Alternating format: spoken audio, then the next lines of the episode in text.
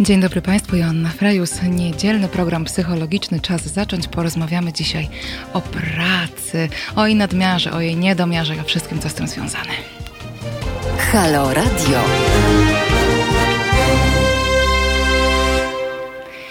Dzień dobry, witam Państwa bardzo serdecznie raz jeszcze. Ja nazywam się Joanna Frejus, to jest y, wieczorny, nie, nie, popołudniowy program psychologiczny. Mamy 3 minuty po godzinie 17. Jest y, trzeci dzień maja. Mm, być może Państwo się dziwią, że tak przy weekendzie, przy niedzieli Frejus przyszła i będzie rozprawiać o pracy, jakoś y, skracając Wam może trochę to weekendowe bycie.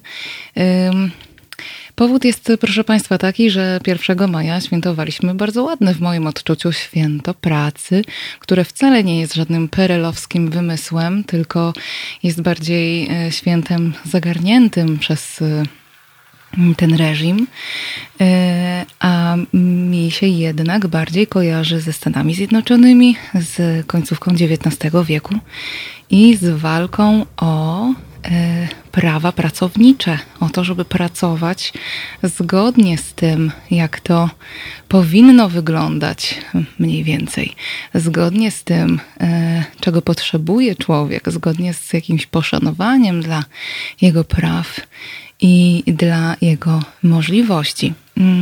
O tym trochę będziemy dzisiaj rozmawiać. Będziemy rozmawiać też o epidemii, ale nie o tej, o której Państwo myślicie, tylko o epidemii produktywności. Skąd to się w nas bierze?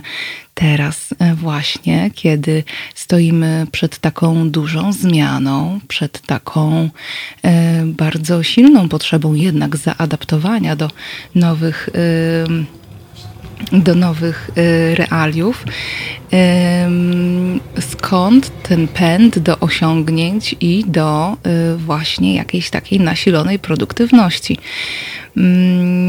I czym to się może skończyć, proszę Państwa, bo przecież wcale niekoniecznie y, jakąś taką no, produkcją dóbr bądź innych, innych rzeczy. Na szczęście nie będę dzisiaj sama. E, będę dzisiaj rozmawiać ze specjalistą w temacie pracy, z psychologiem, doktorem Rafałem Albińskim z Uniwersytetu SWPS, który mam nadzieję jest już e, z nami. Halo, halo, słyszymy się? E, tak, najbardziej. Dzień dobry. No to świetnie, witam serdecznie. Asia, mogę prosić o mniej odsłuchu? Yy, mm, bardzo się cieszę, że jest Pan z nami. Bardzo dziękuję, że Pan jest dzisiaj yy, z nami, pomimo tego, że jest niedziela. Jest niedziela no, jednak świąteczna i w związku z tym takie mam poczucie, że wyrywam Pana trochę z tego weekendowania, ale nie na długo.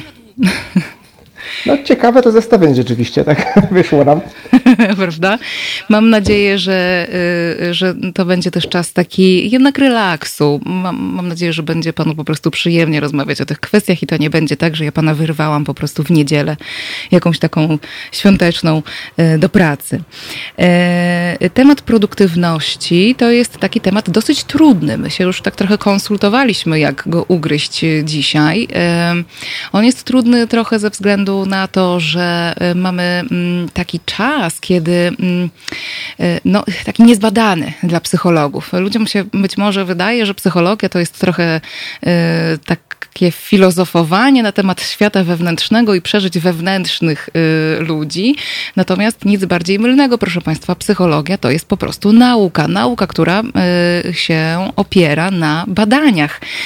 No i w związku z tym mam pełną świadomość, że w momencie, kiedy my rozmawiamy o mm, różnych zjawiskach, które być może mają miejsce mm, w takiej y, no, dla nas nowej i nieznanej rzeczywistości, mm, jak pandemia y, COVID-19, to, y, to trochę jednak bardziej filozofujemy niż psychologizujemy, dlatego że nie mamy na wiele rzeczy jeszcze po prostu badań i może nam się wiele rzeczy wydawać, że tak mogą zareagować ludzie, że tak może zareagować ich psychika, że to może mieć określony wpływ na ich dobrostan, ale to są tak naprawdę w dużej mierze domysły. Inna y, trudność w mm, takim, takim rozmawianiu, y, no właśnie psychologicznym czy naukowym na temat y, produktywności chociażby, polega na tym, że mm, nie do końca jesteśmy w stanie, czy nie do końca mm, mamy sformułowaną taką teorię tej produktywności, definicję produktywności. Y, więc ja może poproszę pana doktora, żeby jakoś tak na przynajmniej potrzeby dzisiejszego spotkania, dzisiejszej audycji y, spróbował nam tę produktywność jakoś zdefiniować. Co to właściwie jest ta produktywność? No, trochę jak w tym żarcie o psychologach, że o to się psychologa nie spyta, to on mówi, to zależy. Aha. To bardzo podobnie jest z tą produktywnością właśnie, bo... Yy, to jak można ją definiować, zależy od tego, jaką ktoś wykonuje pracę. Tak? Jeżeli ogólnie chodzi o, gdyby tak z lotu ptaka to próbować ująć, jakieś takie ujęcie e, no, wytwarzania tego, co w danej pracy się wytwarza. Czy to będzie jakiś produkt fizyczny, czy to będzie nie wiem, artykuł napisany, e, czy to będzie wykład, który coś powie tak do, do publiczności. Więc tutaj jakby definicja e, produktywności zależy bardzo mocno od tego, o jakiej pracy mówimy. Mhm. I nie zawsze jest ją łatwo rzeczywiście jakoś zmierzyć konkretnie, no bo nawet, nie wiem, pisarz, tak, który tworzy jakieś, jakieś książki, na przykład, czy artykuły, no to może mierzyć liczbę słów, które w ciągu dnia napisał, ale też no nie każde słowo, nie każde zdanie jest dobre, nie każde zdanie wyląduje w tej finalnej wersji, więc mhm. tutaj też jakby jest to jedna z miar, ale tak naprawdę, no właśnie, czy, czy słuszna, tak trudno powiedzieć. Mhm. No właśnie, jak ja myślę o produktywności, to myślę trochę o takim y, chyba... Mm, współczynniku tego, mm, ile y, czegoś, no właśnie tego, na czym nam zależy, jesteśmy w stanie, mm, powiedzmy, wyprodukować w jakimś odcinku czasu i na ile to coś wyprodukowane przez nas jest y, jakościowo y, zadowalające. Mhm, tak, tutaj bym się zgodził z tą, właśnie miałem dodać właśnie, ubiegła mnie Pani od tej kwestii jakości, tak, że mhm. można się cały dzień krzątać, tak coś tak niby ciągle robić, a niewiele z tego wychodzi, tak, więc rzeczywiście bym dodał tak, że to jest e, jakby tak produkt, ale też taki, który no, ma dobrą jakość, to jest dokładnie to, co mieliśmy robić, to, co w naszej pracy jest ważne i potrzebne, a nie tak jak, nie, nie krzątanie się, nie nie, nie, Facebook, tak, bo szukałem na Facebooku materiałów, no niby też można, ale to już mhm. taka cienka linia trochę chyba będzie pomiędzy produktywnością, a takim właśnie czy zwlekaniem, czy, e, mhm. czy marnowaniem czasu wręcz czasami. To pewnie zależy od tego, co tam się znajduje, albo co to jest za praca, czego się tam na tym Facebooku szuka, e, w jaki no, sposób to można wykorzystać. Um, Okej, okay, dobrze. Proszę Państwa, no, tak jak słyszycie, będziemy trochę tutaj rozprawiać, y, teoretyzować, ale bardzo chętnie włączyłabym y, w ten nasz dzisiejszy program Państwa faktyczne doświadczenia. Y, zapraszam, żeby do nas dzwonić pod numer 22 39 059 22. To jest numer do studia i no, będę wdzięczna, jeżeli Państwo będą się chcieli podzielić swoimi historiami, swoimi doświadczeniami, jak to teraz u Państwa jest. Czy Państwo Państwo przeżywacie teraz rozkwit produktywności? Czy to jest bardziej taka bezproduktywna krzątanina? Czy dużo się u Was zmieniło pod względem mm, stylu pracy, tempa pracy, sposobu pracy. Pewnie zmieniło się trochę pod względem miejsca pracy dla wielu z Was. Dajcie znać, y, jak to u Was wygląda. Y, zapraszam też do komentowania. Komentarze można zostawiać y, na Facebooku pod postem przy transmisji na żywo albo na YouTubie. Tutaj też możecie do nas pisać, możecie komentować, opowiadać o sobie, włączać swoje definicję produktywności. E, dry hay to jest jakiś fetysz pracy. Według mnie ludzie nie nadają się do pracy, dlatego ludzi zastępuje się w pracy automatyzacją i robotami, gdzie tylko się da. Hmm. Ciekawe to jest, e, e, to jest ujęcie, że fetysz pracy aktualnie trudno się z tym nie zgodzić, prawda, panie doktorze?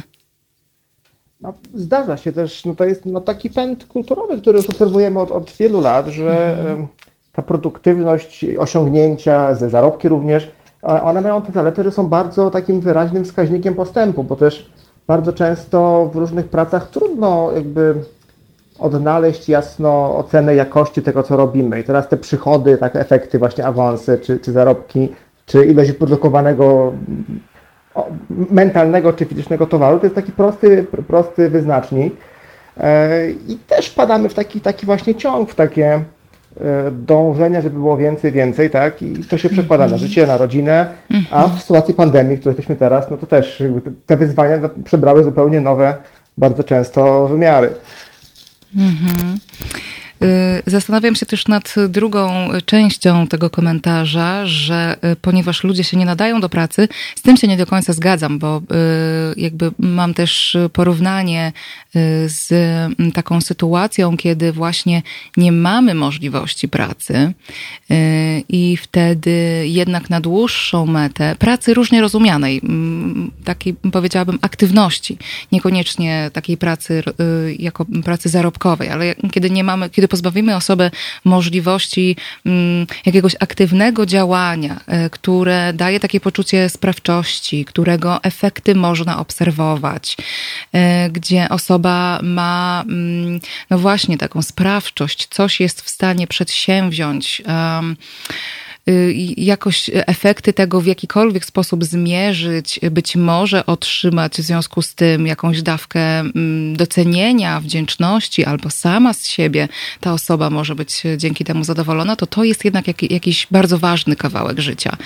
I y, mm, to też wyraźnie widać u osób, które na przykład y, przechodzą na emeryturę w momencie, kiedy nie, niekoniecznie czują, że to jest ten moment dla nich dobry nie mają jakiegoś takiego planu na aktywność y, mm, inną niż zawodowa, to jednak widać to obniżenie nastroju przez jakiś czas, że to nie do końca i nie wszystkim służy. Y, natomiast y, ludzi zastępuje się w pracy automatyzacją i robotami, gdzie tylko się da. Z jednej strony tak, a z drugiej strony ja mam jednak wrażenie, że to z nas, ludzi, próbuje się robić roboty. No też zależy oczywiście w jak, jakiej znów mówię branży, tak, mhm. bo taka ciemna strona takiej właśnie działalności biznesowej to jest właśnie bycie non-stop połączonym, tak non-stop na mailu, non-stop pod telefonem, y, jakby nie rośnie ilość etatów, taka rośnie ilość pracy. E, I trochę też to czytałem takie artykuły o tej pandemii obecnej, właśnie często jest tak, że e, wiele osób y, no, pracuje znacznie więcej niż przedtem, dlatego że czuję, że ich szef jakby patrzy, kto najwięcej jest dostępny, najbardziej aktywny i to jest wyznacznik tego, kogo zwolnić, kogo nie. Po prostu włącza się lęk przed utratą pracy e, i to się staje takim przymusem, że nie to, że chcą, tak, jakby też chcieliby odpocząć, pójść na spacer, bo możemy już w tej chwili, tak, więc możliwości wracają, a siedzą przy komputerze, przy telefonie, po prostu z lęku, że, że przełożony, czy, czy firma generalnie uzna, że aha, ten tutaj nie był o 18 w niedzielę dostępny, o, to ostrzegawczy znaczek, tak, już tam mm, jakiś minus. Mm, Więc to jest chyba taki, taki tutaj, tutaj próg. E, też ogólnie, e, no, to jest ciekawy temat w ogóle też takiej, takiej takiego zamiany ludzi w roboty w pewnym sensie, e, zwiększania tej wydajności pracownika. I tu taki, takim ciekawym bardzo zagadnieniem jest kwestia tego, tego słynnego mindfulness, które, e, które no jest takim bardzo głośnym teraz pojęciem, bardzo często się o, tym mówi i praktykuje. E, I to ciekawe, bardzo wiele firm jakby stosuje ten mindfulness, czy wykupuje tak szkolenia, wykupuje dostęp do aplikacji, pracownikom, e, ale to jest jakby znów, to jest jakby niby w celu pomocy pracownikom, tak. to jest taki, taki bonus, a tak naprawdę chodzi o to, żeby byli bardziej wypoczęci, żeby byli bardziej produktywni i robili więcej. Tak. E, był taki chyba przypadek w Stanach, Starbucks, tak, te kawiarnie, właśnie zamiast podwyżek daje pracownikom dostęp do aplikacji mindfulnessowej. Mhm. a to nie, nie, o to chodziło dokładnie. Znaczy nie, nie chodziło, chodziło o zmniejszenie stresu, ale równie dobrze by to się uzyskało podwyżką, tak, czyli podniesieniem tak. jakości życia e, w bardzo prosty sposób finansowy, a nie aplikacją, bo właśnie ten mindfulness nie zawsze jest tak niezbędny, jak się wydaje. Mhm. Znaczy on jest pewnie dobry i potrzebny, ale nie jako narzędzie, no właśnie, znowu narzędzie do jakiegoś takiego wyciskania z pracowników ostatnich y, soków y, w kontekście ich produktywności właśnie. E, dzień dobry Pani Jadwigo, dzień dobry Panie Marku, Pani Krystyno, e, e, Panie Michale, bardzo się cieszę, że Państwo jesteście. Widzę, widzę Wasze komentarze również na Facebooku. A propos tego, co co mówiłam o tym, że no właśnie brak pracy też nie jest taki znowu fantastyczny. Pani Ola pisze, jestem konserwatorem zabytków, pracuję fizycznie z obiektami. Po kolejnym tygodniu zdalnej pseudopracy komputerowej czuję frustrację, bezproduktywność i nieprzydatność. Dołujące. Mm. No to jest właśnie ten aspekt, y, ten aspekt braku pracy, braku, y, braku wyzwań. Pan Marek też dodaje, bez pracy i nowych wyzwań człowiek zaczyna działać na zwolnionych obrotach. Później jest trudno powrócić do normalnego funkcjonowania. Mm, tu się absolutnie zgadzam. To jest, jak Pani mówiła, praca jest bardzo istotnym elementem. I nie zawsze chodzi o zarobek, tylko nawet, nawet dobre hobby, tak, które nas zmęczy, tak spocimy się trochę, to tak Pani mówiła o, o, tym tworzeniu, o tym poczuciu wpływu na rzeczywistość.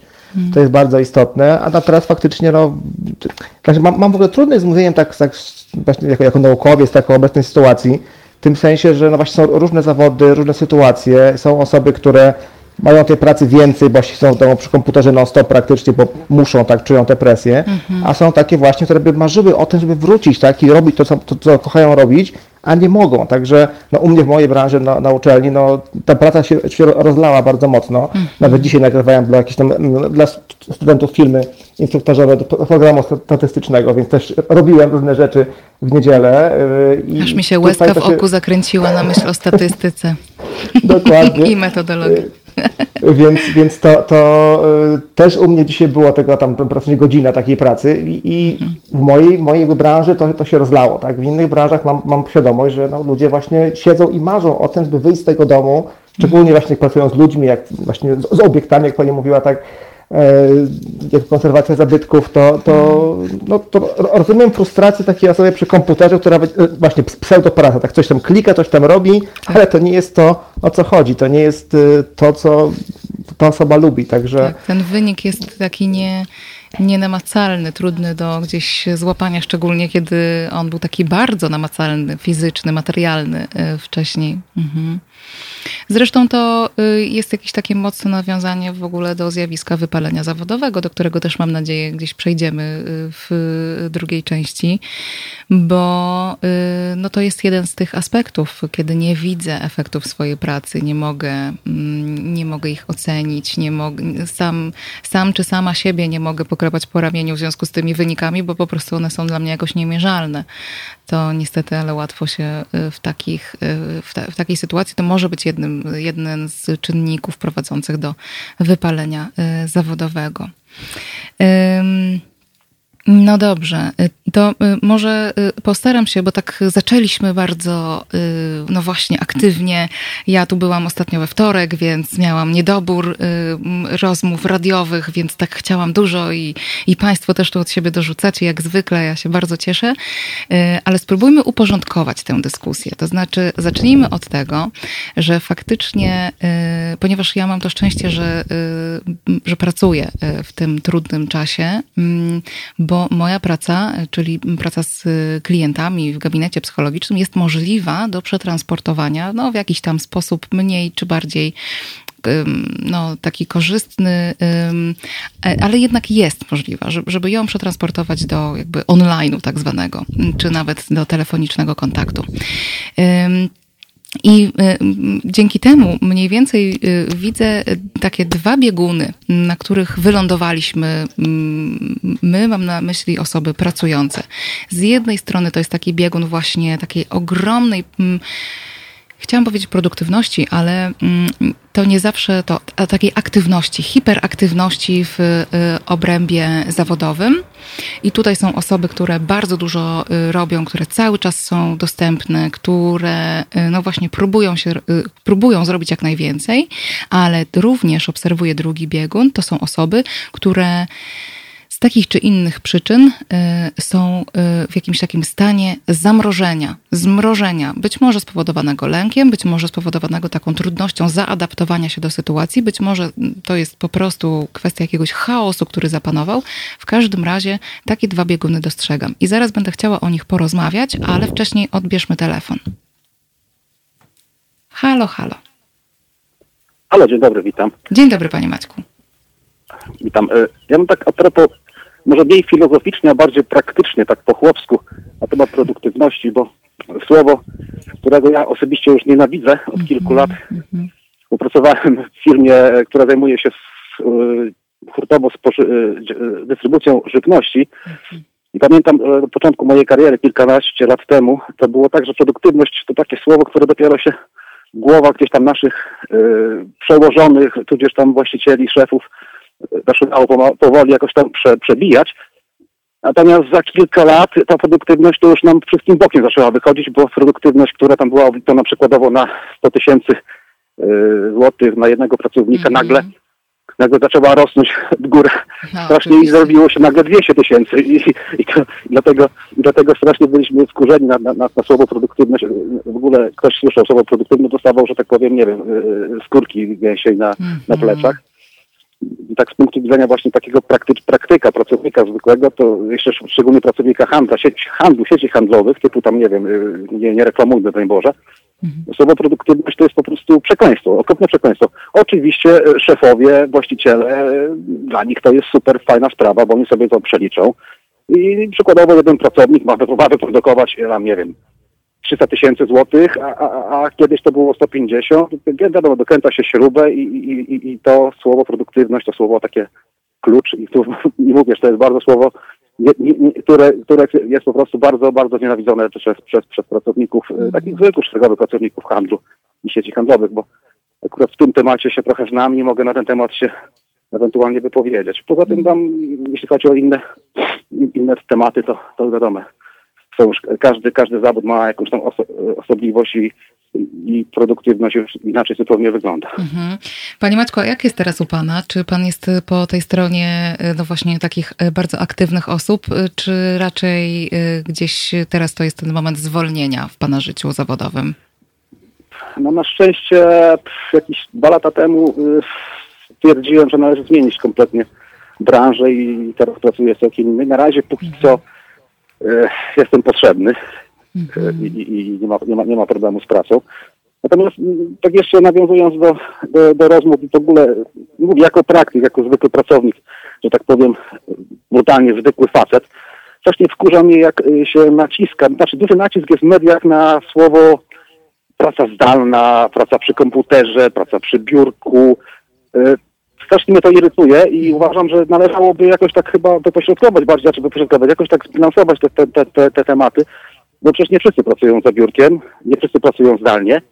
Mało tego, bardzo mało ludzi może pracować zdalnie. No, weźmy choćby, nie wiem, y, pracowników handlu, pracowników y, ochrony, pracowników y, budowlanych.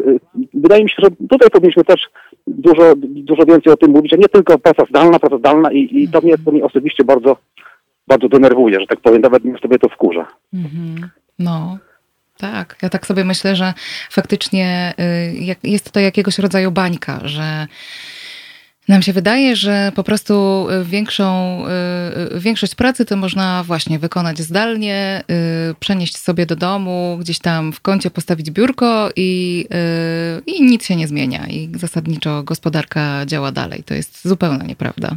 I tak jak pan mówi... Prawda jest też taka, no, mhm. właśnie, prawda jest też taka, że, że w okolicy dochodzą do mnie, do mnie jakieś tam informacje, że mhm. firmy przykręcają ludziom śrubki, czyli, czyli że tak powiem, a zwalniają i, i, i redukują, redukują zarobki i, i to naprawdę jest tutaj namacalne i to widać, to się da, da zauważyć, da się odczuć.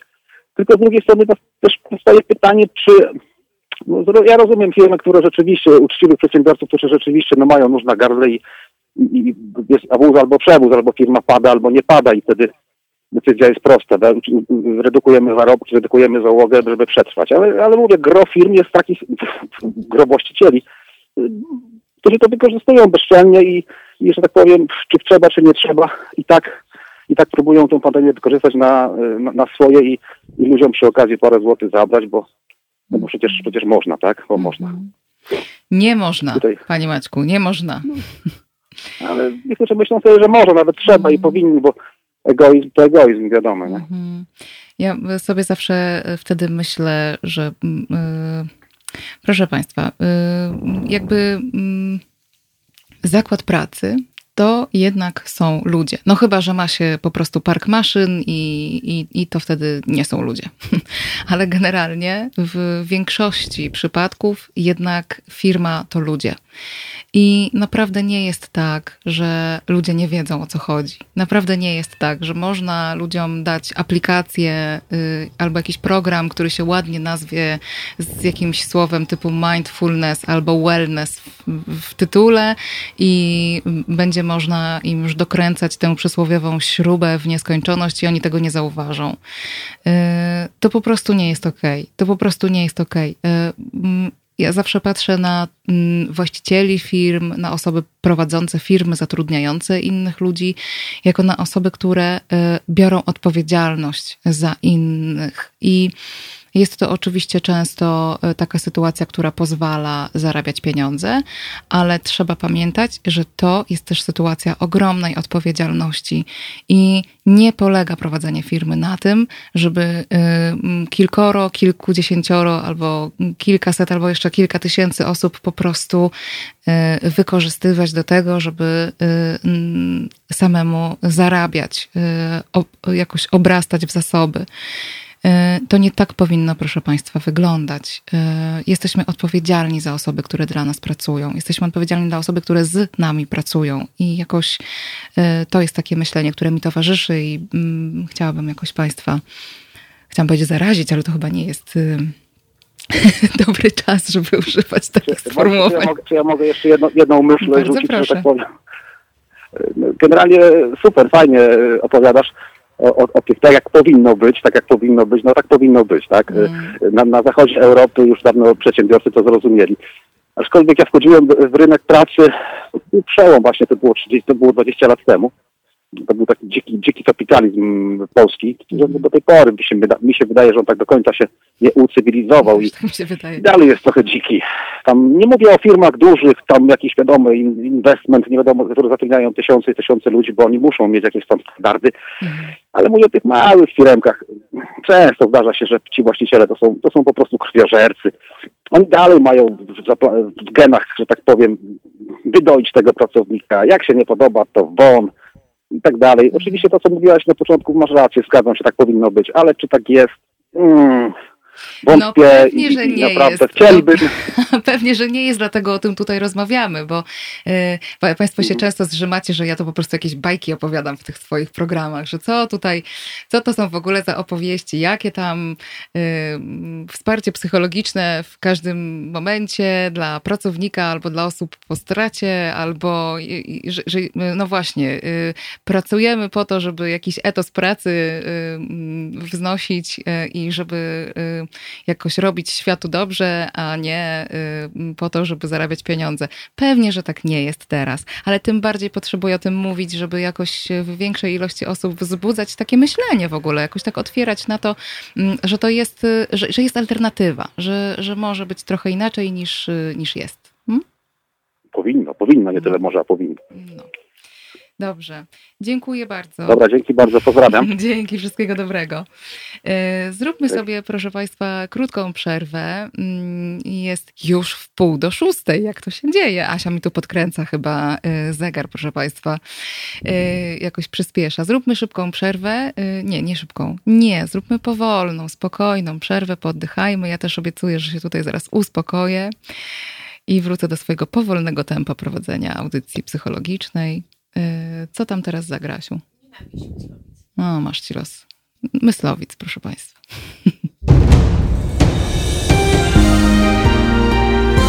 Halo Radio.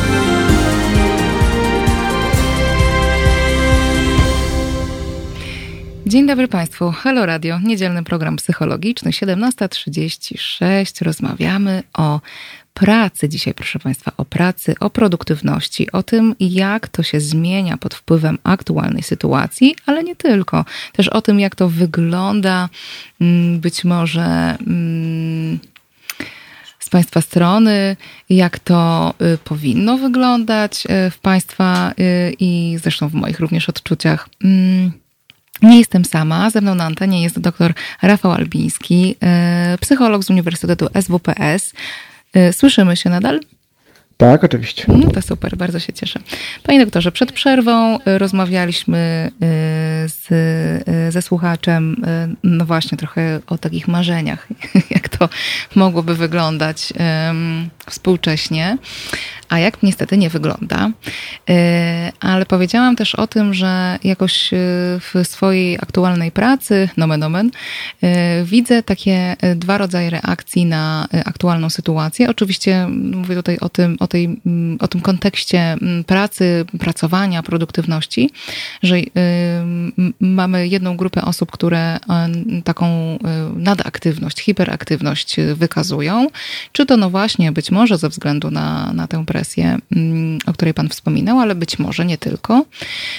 Oraz drugi biegun, czyli takie osoby, które no, odczuwają powiedziałabym, niemoc i takie duże ograniczenie tej swojej produktywności.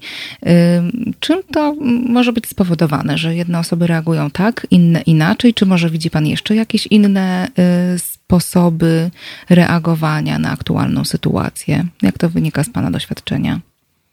Znaczy na pewno, na pewno warto pamiętać o tym, że po prostu jako ludzie się różnimy, tak? Czyli mamy inną to, tolerancję na lęk, który w tym momencie jest no, emocją dość powszechną, no bo rzeczywiście ten kryzys, który nadszedł i cała ta sytuacja z pandemią, no zachwiała rynkiem pracy i, i no, po prostu pojawiło się, pojawił się lęk o przyszłość, taki najbardziej bazowy, o spłatę kredytów, tak o wyżywienie, dach nad głową.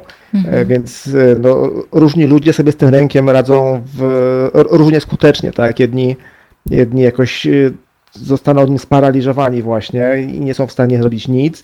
Inni z kolei ratują się takim właśnie tworzeniem, działaniem non-stop, czy taką pracą na zapas niemalże, tak żeby, a, zrobię więcej, to właśnie być może firma czy, czy szef zobaczy, czy na przykład osoby, które E, pracują na zlecenia, no wtedy szczególnie szukają nowych zleceń, tak im więcej, tym lepiej, no bo nie wiadomo, co będzie za miesiąc. Tak, nie wiadomo, tutaj... co będzie dalej, więc trochę na zaś narobię o tym, że to jest też takie niebezpieczne podejście, czy może być takie niebezpieczne podejście, też chyba warto powiedzieć, że to jest trochę jak z jedzeniem i spaniem, że na zapas to tak nie do końca się da. Dokładnie, to w ogóle tam też padło, od, od, jak dzwonił do nas słuchacz o tym pojęciu produktywności, że E, jakby te wymogi ciągle rosną. I to jest chyba największa pułapka tego pojęcia, tak. E, że tak naprawdę jakby zaginęło nam pojęcie takiej dobrze wykonanej pracy, że jak nie wiem, o danej godzinie w ciągu dnia mówię, ok, starczy, zrobiłem na dzisiaj dosyć, mogę iść odpocząć, tak? I to właśnie dbam o ten dobrostan, dbam o, o sen, dbam o relaks, a mhm. pojęcie produktywności tak trochę zakłada, że zawsze można coś tam jeszcze dorzucić, także jakby doba jest jakby, no ma tyle godzin, ile ma, ale na przykład zredukowanie snu, tak, czy takie y, spanie, spanie krócej, a wydajnie, tam jakieś tam techniki są różne, tak, na, na opanowanie swojego snu i, i zwiększenie wydajności, czy zmiana metody pracy, czy narzędzia inne, tak, czy taki ciągły pęd, żeby w te 24 godziny upchnąć tego jak najwięcej. Mm -hmm. I to jest taki też ciekawy, mm, szczególnie w Stanach, takie fajne, czy fajne, dziwne pojęcie, ciekawe pojęcie hustle porn, taki jakby tak, takie, takiego kultu, kultu właśnie bycia non-stop aktywnym, pracowania, takiego zasuwania, mówiąc kolokwialnie, mm. prawie przez całą dobę. E, jakby i tego jako wyznacznika naszej wartości, że osoba wartościowa to jest tak, to jest zasuwa tak non-stop, tak. ciągle nowy projekt, ciągle nowy, nowe wyzwania i jakby dla niej ten, ten bieg jest celem samym w sobie. Mhm. Więc no, jak pani zauważyła słusznie, no, no nie, nie, da się, znaczy może nie da się, no mało kto jest w stanie, tak, bo, bo pewnie są tacy osoby też odporne bardziej, które wytrzymają dłużej bez skutków ubocznych, ale mhm. patrząc tak ogół globalnie, to większość z nas taki pęd wykańcza, tak? I, mm -hmm. owszem, tydzień, dwa, trzy miesiąc, ale potem właśnie sen się będzie sypał, więcej stresu, zmęczenie, tak, wypalenie, o którym mówiliśmy. Autonomiczny Dokładnie. układ nerwowy w końcu, w końcu y, da y, Powie dosyć. znać, że tak, że już, że już wystarczy tej walki, tej ucieczki. Mhm. Y, no właśnie myślę sobie o tej produktywnościowej pornografii, pozwoliłam sobie też użyć takiego sformułowania, gdzieś zapowiadając ten temat y, mm, pracy wcześniej, mm, że się on pojawi na antenie i w, tym programie, e, bo to się jakoś bardzo mocno wydarzyło. No ja nie wiem, być może tylko w mojej bańce, ale to się jakoś strasznie mocno y, wydarzyło w mediach społecznościowych, Asia Kiwarze w jej bańce też. Y, jak tylko się zaczęła izolacja i jak tylko zaczęliśmy przechodzić, zaczęłyśmy przechodzić na pracę pracę, powiedzmy zdalną, po prostu inną, no, za, zaczął się ten, ten czas izolacji, to nagle w mediach społecznościowych po prostu pojawił się wysyp informacji, czego to ludzie teraz nie robią, na co to oni teraz nie mają czasu, ile to oni teraz książek z tej sterty rzeczy do przeczytania przyswoją, ile zajęć jogi e, online odbędą, ile dodatkowych kursów, szkoleń, kierunków podyplomowych nie rozpoczną? I być może nawet ukończą. Mm, po prostu dla osoby, która nie poczuła tego zewu e, produktywności i aktywności, no to był jakiś koszmar, wyobrażam sobie. Znaczy, zew sam sobie nie jest zły, jeżeli ktoś jest w stanie to robić i mu to sprawia przyjemność, to mhm. proszę bardzo. Kłopot jest wtedy, kiedy to się właśnie staje takim, takim imperatywem, takim nakazem, że oto wszyscy powinni teraz, że jeśli tego nie robisz, to źle funkcjonujesz, twoja kwarantanna, czy pan, czas pandemii jest zmarnowany. To jest problem, o, tak? Jeżeli to, to, to. właśnie mhm. chcemy sobie jakby myślimy muszę, tak? No to wiemy, wiemy z psychologii, to jest to niezdrowe myślenie, to jest to tak. e, poznawcze zniekształcenie, takie myślenie właśnie typu muszę, powinienem, e, a, a, a, a, nie czuję, tak? Jakby ten nakaz jest, a moje działania jakby no, robię, ale czuję, że tak bym szedł, pod prąd, tak? I to jest rzeczywiście problem największy, mam wrażenie, że chcemy, chcemy za dużo i to jest no też trochę pewnie pochodna tej, tej kultury produktywności jako takiej, że mhm. zawsze można więcej tam wrzucić e, w ten dzień, w tę pracę, a no właśnie, czy trzeba, czy no, oczywiście chyba zapominamy coraz bardziej o, o takim zdrowym relaksie. I tutaj też smartfony, które ciągle są z nami, też nam przeszkadzają, e, bo to, a to zapika, a to zobaczymy Facebooka, a to pocztę, a to wiadomości. Mm. E, jakby nie ma tego czasu, by usiąść z herbatą, patrzeć się w ścianę, tak? tak. To był taki fajny kiedyś miałem w sieci, że widziałem człowieka tam w kawiarni, siedział tak bez smartfona, tylko pił kawę, jakiś psychopata. Tak, jakby nic nie robił, nic nie robił nietypowego, znaczy takiego typowego dla naszych czasów. Po mhm. prostu siedział i pił kawę, tak? Ja w ogóle marnował życie w tym momencie. No to, to, to jest trochę takie podejście chyba. Mhm. E, także, także tutaj bym zachęcał do jakby takiej wyrozumiałości dla siebie i słuchania siebie, bo e, pewnie wielu z nas jest w stanie ten plan dnia, jeżeli mamy takie możliwości, oczywiście wypchać fascynującymi odkryciami, nowymi rzeczami, ale trzeba ocenić na, na koniec dnia, jak ja się czuję, czy to było fajne i chcę to powtórzyć, no czy czuję się po maratonie i w ogóle nie, nie mam ochoty, ochoty stawać z łóżka, bo wtedy jest to sygnał jasny, że coś tu nie gra, także to chyba nie jest dla mnie. Mm-hmm. Bo te standardy jakby, znaczy dobrze mieć wysokie, tak, ale takie wysokie zdrowe, tak, czyli też szyte na miarę pod każdą osobę, a nie właśnie czytamy Facebooka, czytamy wiadomości, ktoś zrobił tyle i tyle, będę taki sam, tak? Mm-hmm, to jest właśnie. ryzyko. A tak naprawdę te informacje w mediach społecznościowowych to zwykła lipa, pisze słuchacz. A dokładnie, no, no właśnie, bo to jest, dokładnie, tak, no. to jest jeszcze inny aspekt, że, y, że no, bardzo często to jest dokładnie to, o czym Państwu też gdzieś opowiadam, jak mówimy o, y, no nie wiem, rodzicielstwie, macierzyństwie, o y, jakichś innych życiowych osiągnięciach, że bardzo często po prostu ulegamy takiemu wrażeniu, czy mm, bierzemy za prawdziwe to, co jest tak naprawdę wynikiem jakiejś autokreacji po prostu. I w związku z tym no, dokonując czegoś, co jest wyjątkowo niezdrowe dla nas, czyli porównując siebie do innych osób tylko na podstawie tego, mm, jak, co one tam opowiadają o sobie na przykład w mediach społecznościowych, no siłą rzeczy wypadamy w tych porównaniach y, niekorzystnie. Y, jest to jakoś takie ładne sformułowanie, że to, co, że trzeba pamiętać, że to, co widzimy w mediach społecznościowych u innych, to jest ich scena, a to, co mhm. wiemy o sobie, to jest nas, nasz backstage, tak? czyli te kulisy. I nie wolno porównywać jednego do drugiego. Ten cały kluczowy kontekst. Tak? No jest takie bardzo mądre powiedzenie, że e, życie to jest, to, to jest jakby to jest zawody sportowe, ale z jednym zawodnikiem, tak? Czy my tam biegniemy w tym wyścigu i nikt więcej. I nie ma sensu porównywać się z kimkolwiek innym. To, to jest mm. jakby, skazujemy się na, na, na cierpienie w sumie, no bo nie znamy kontekstu czyjejś sytuacji, właśnie nie wiem, czy, czy kwestii finansowych, tak. mieszkaniowych, setki innych spraw, które mają tu wielki wpływ i patrzymy na efekty, a jak Pani powiedziała, na, na tę scenę innej osoby tak, no, tak. i ta osoba na tej scenie wystawia najlepsze rzeczy, tak, najwspanialsze i jeszcze trochę podrasowuje, żeby były jeszcze ładniejsze niż są w rzeczywistości, więc e, można wpaść w taką pułapkę, że a tutaj nie wiem, ktoś wyjechał na Hawaje, a ja siedzę w domu, tak, no ale mhm. A tak naprawdę takie tak przypadki, jak... gdzie, gdzie udawali wyjazdy. Tak, tak, że sobie robili zdjęcia na ym, fototapetach. No bardzo mi się podoba. bardzo mi się to podoba. Muszę kiedyś spróbować. Albo no, w, pralce, w pralce chyba, że niby widok samolotu, było coś takie, że... O, tak, tak, tak, przy, czy, przy okienku od pralki. No właśnie, no, no właśnie, właśnie. Także nie ma co, proszę Państwa. To w ogóle, ale też porównanie w takim kontekście, mm, że tak powiem, y, niekoniecznie w internetach tak zwanych, ale też na żywo. No po prostu nie róbmy tego, bo za każdym, y, za każdą osobą stoi zupełnie inna historia i zupełnie nie wiemy, z czym ta osoba się mierzy tak naprawdę. Wiemy tylko to, co chce nam pokazać. No a przecież jak się tak dobrze zastanowimy, to sami też nie pokazujemy wszystkiego, prawda? Tylko to, co jakoś tam pasuje nam, żeby to akurat pokazać. Mm, Okej, okay. pan Marek pisze: Praca w domu to nie praca. Musi być fizyczne rozdzielenie na czas pracy i czas wolny. Inaczej trudno się zmobilizować lub przeciwnie, trudno zasnąć. E, a pan Wojtek, e, bardzo mi się podoba praca zdalna. Jestem bardziej wydajny niż w biurze, ale te wrażenia zależą pewnie od rodzaju pracy. Mhm. I jeszcze tutaj widziałam, o, e, komentarz pani Pauliny. Ja się ucieszyłam na pracę w domu, choć pracodawca wymyślał mi różne dodatkowe głupoty, które nie były związane z moją pracą. W pewnym momencie było to upierdliwe, bo pracowałam więcej niż normalnie. Czyli widać, że y, te reakcje są po prostu bardzo różne. Y, zarówno osób pracujących, jak i ich pracodawców. Y, różnie jakoś odbieramy te, te nowe dla nas warunki. Chciałabym nawiązać do tego, o czym powiedział, czy napisał pan Marek, że musi być fizyczne rozdzielenie na czas pracy i czas wolny.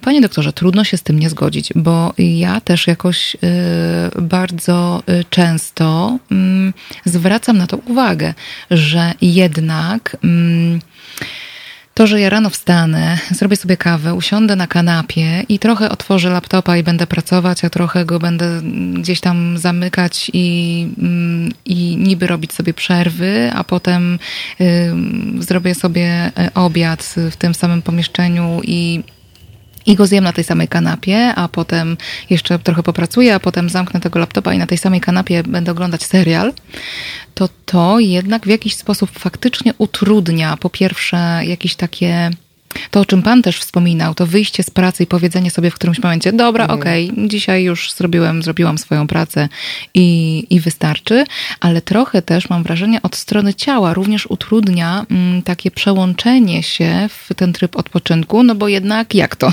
Dla naszego mózgu się niewiele zmieniło, znaczy nadal jesteśmy w tym samym miejscu, w tej samej pozycji i dlaczego nagle e, ten mózg miałby e, chcieć zwolnić? Jak to rozwikłać? Znaczy to jest też kwestia jakby skojarzenia bodźców. Tak, tej no kanapa, właśnie. która kiedyś była tylko miejscem odpoczynku, nagle stała się prawie tak, biurem. Tak. E, więc, więc e, bardzo często no, to się staje przeszkodą. I to chyba jest jedno z głównych wyzwań, to właśnie oddzielenie, bo nie wiem, wstaję, myję zęby, tak piję kawę i siadam do komputera, jestem w pracy, tak? Mm -hmm. nigdzie nie jadę, nie wychodzę z domu, nie ma tego, nie ma tego rytuału całego dojazdu na przykład, który był. E, kiedyś bardzo fajnie pisał Orhan Pamuk, noblista, e, który pracował właśnie z domu, pisał książki oczywiście i mówił, że on wychodził z domu, obchodził dookoła blok, wracał i to był taki rytuał, że on jest teraz w pracy. Potem robił to samo w drugą stronę, wychodził z pracy, wracał do domu, tak? Czyli był taki i, i być, być może takie jakieś y, zbudowanie własnego takiego rytuału przejścia, nazwijmy to, mhm. byłoby sposobem takiego właśnie symbolicznego chociażby przejścia ze strefy prywatnej do strefy pracowej.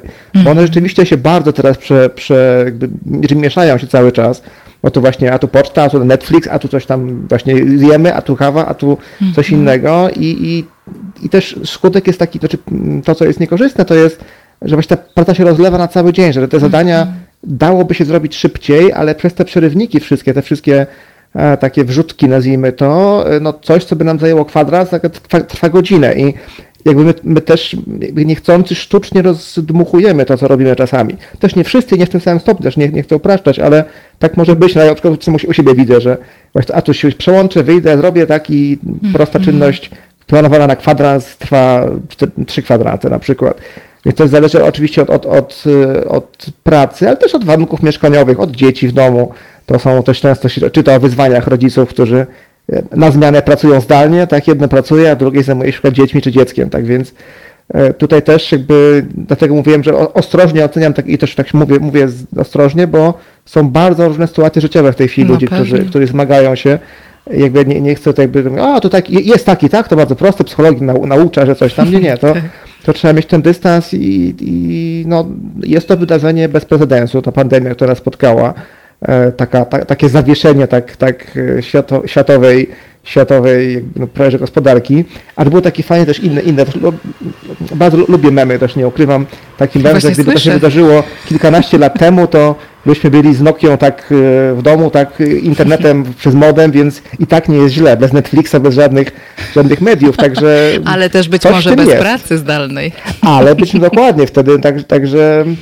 E, tak, to dla mnie dużo mądrości z memach. Uważam, to jest bardzo ciekawe medium współczesne, które paru słowach często ujmuje jakieś ciekawe zjawisko, więc taki, jestem, nie ukrywam, fanem. Mm-hmm. Natomiast tak, także tutaj, no, jak mówiłem, taki rytuał przejścia zbudować sobie osobisty, nie? nawet ubrać się tak pracowo.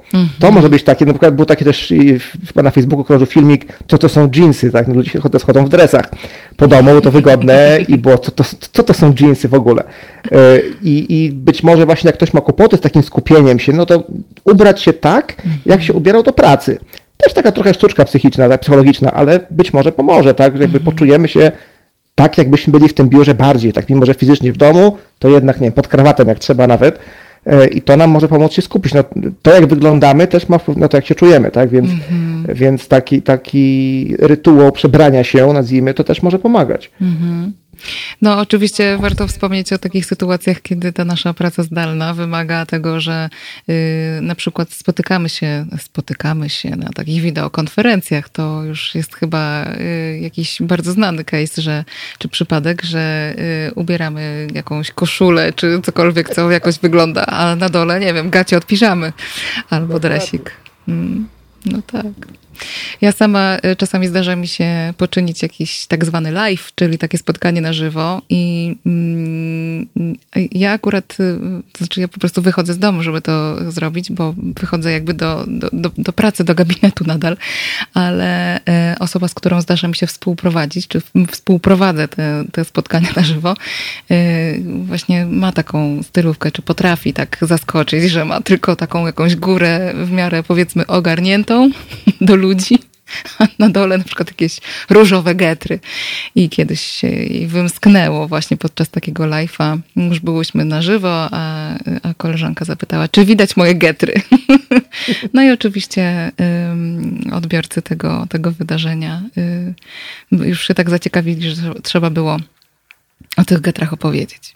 Także proszę Państwa, trzeba uważać. No, niestety ta technologia jakoś... To jest taka teraz też pułapka, czy nowy lęk, który się pojawił, czy wyłączyłem kamerę, czy wyłączyłem mikrofon, tak? tak? To właśnie przy konferencjach właśnie, nie wiem, wstanę z tymi, z tymi dresami, tak pokażę, no to to jest no jedna z tych tam też widziałem w sieci, jedna osoba wybrać do łazienki, tak nie wyłączyła kamery, więc e, cała reszta na konferencji widziała wszystko, tak wideokonferencji, więc to jest to rzeczywiście taki nowy lęk. Czy na pewno wyłączyłem, czy na pewno zgasiłem.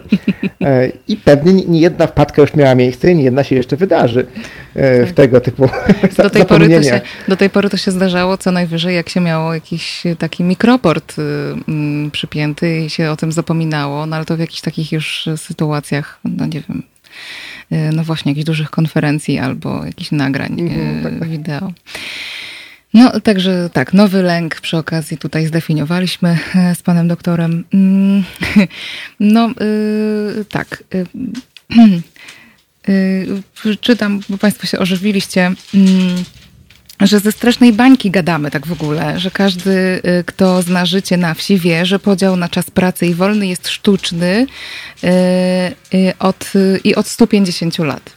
Mm, I ja się z tym zgadzam. I jakoś, y, panie Wojciechu, y, też o tym mówiliśmy, rozmawialiśmy też o tym ze słuchaczem, że w ogóle to rozmawianie o mm, pracy zdalnej y, jako po pierwsze możliwej dla wszystkich, a po drugie takiej wydarzającej się przy komputerze i w ogóle o rozmawianie o pracy w takim kontekście, że da się ją po prostu przerzucić teraz nagle do tak zwanego online'u, no to jest oczywiście nieprawda. Akurat w tym momencie, może pan się włączył trochę później, w tym momencie akurat zeszliśmy na temat takiej, takiej bardziej tej pracy za pomocą y, technologii. No dobrze, proszę Państwa, zróbmy sobie w takim razie krótką przerwę. Mm, pomiędzy pierwszą a drugą godziną programu psychologicznego. Zaraz po przerwie wracam do rozmowy z moim dzisiejszym gościem, doktorem Rafałem Albińskim, psychologiem z Uniwersytetu SWPS, specjalistą w dziedzinie pracy, produktywności i prokrastynacji. O, o ten, ten to słowo, ten termin też rozwiniemy y, zaraz po przerwie. Przypominam też Państwu, że możecie Państwo cały czas komentować na Facebooku, na YouTubie, możecie nawet pisać maile na adres terasmałpa.halo.radio albo dzwonić. Numer telefonu podam Państwu już po przerwie, żeby on gdzieś nie umknął w trakcie słuchania piosenki A Thousand Miles Vanessa Carlton. Teraz dla Państwa, dla tych, którzy słyszą.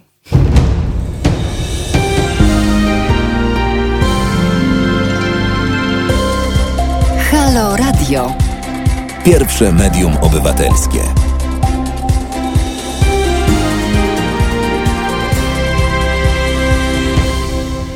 Dzień dobry Państwu, Joanna Frejus, niedzielny program psychologiczny. To jest druga godzina naszego dzisiejszego spotkania. Jest minuta po godzinie 18, trzeci dzień maja. Rozmawiamy o pracy. O pracy, dlatego że też jakoś tak blisko święta pracy, które ja akurat osobiście lubię, bo mi kojarzy się bardzo z mm, takim e, kontekstem walki o prawa pracownicze, walki o mm, dobre warunki pracy, a nie wcale z żadnymi e, pochodami, e, czy też reżimem e, takim czy innym.